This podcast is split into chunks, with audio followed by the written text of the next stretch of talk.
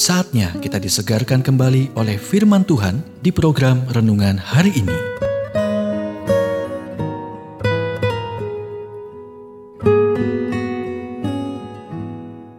Renungan hari ini berjudul "Jangan Pernah Menjadi Bagian dari Kelompok Eksklusif".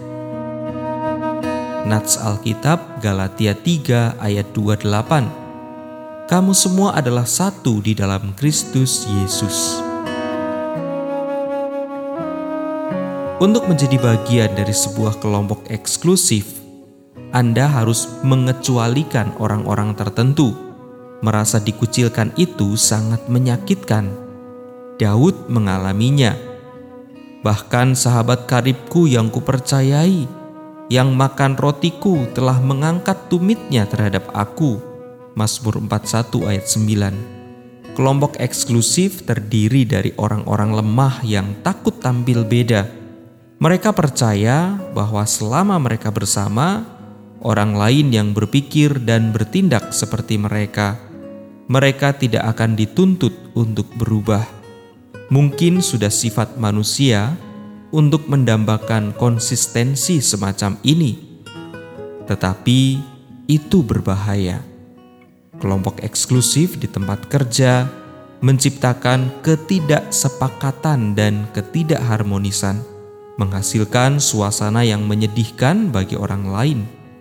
Orang tidak lagi dianggap sebagai individu, tetapi sebagai di pihak orang ini atau di sudut orang itu. Kelompok eksklusif seperti itu tidak lebih dari pusat gosip, pengkhianatan, perselingkuhan, dan setiap masalah yang bisa diciptakan orang. Setan menggoda kita dengan keamanan kelompok untuk mencegah kita menemukan karunia dan tujuan pribadi kita dan dari melakukan kehendak Tuhan. Jika Anda berada dalam sebuah kelompok eksklusif, bebaskan diri Anda secepat mungkin. Tolak tekanan untuk menyesuaikan diri dengan pemikiran kelompok Mentalitas ini dapat membuat Anda secara tak terduga melakukan hal-hal yang tidak pernah Anda pikirkan. Entah itu menurunkan prinsip Anda atau tetap diam saat kelompok mengkritik seseorang. Anda bahkan mungkin takut ditentang oleh kelompok jika Anda membela apa yang benar.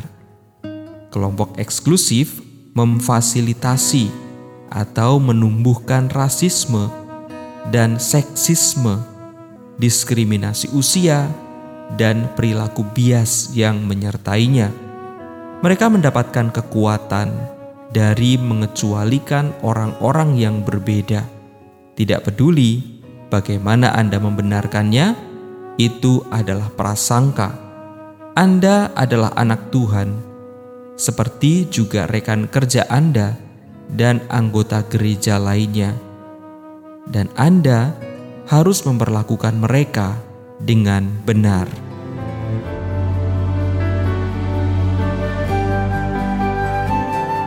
Kita telah mendengarkan renungan hari ini.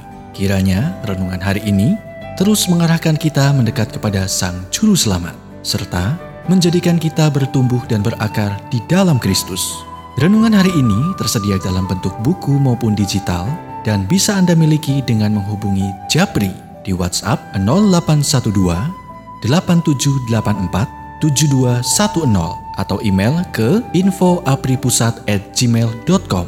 Tuhan memberkati.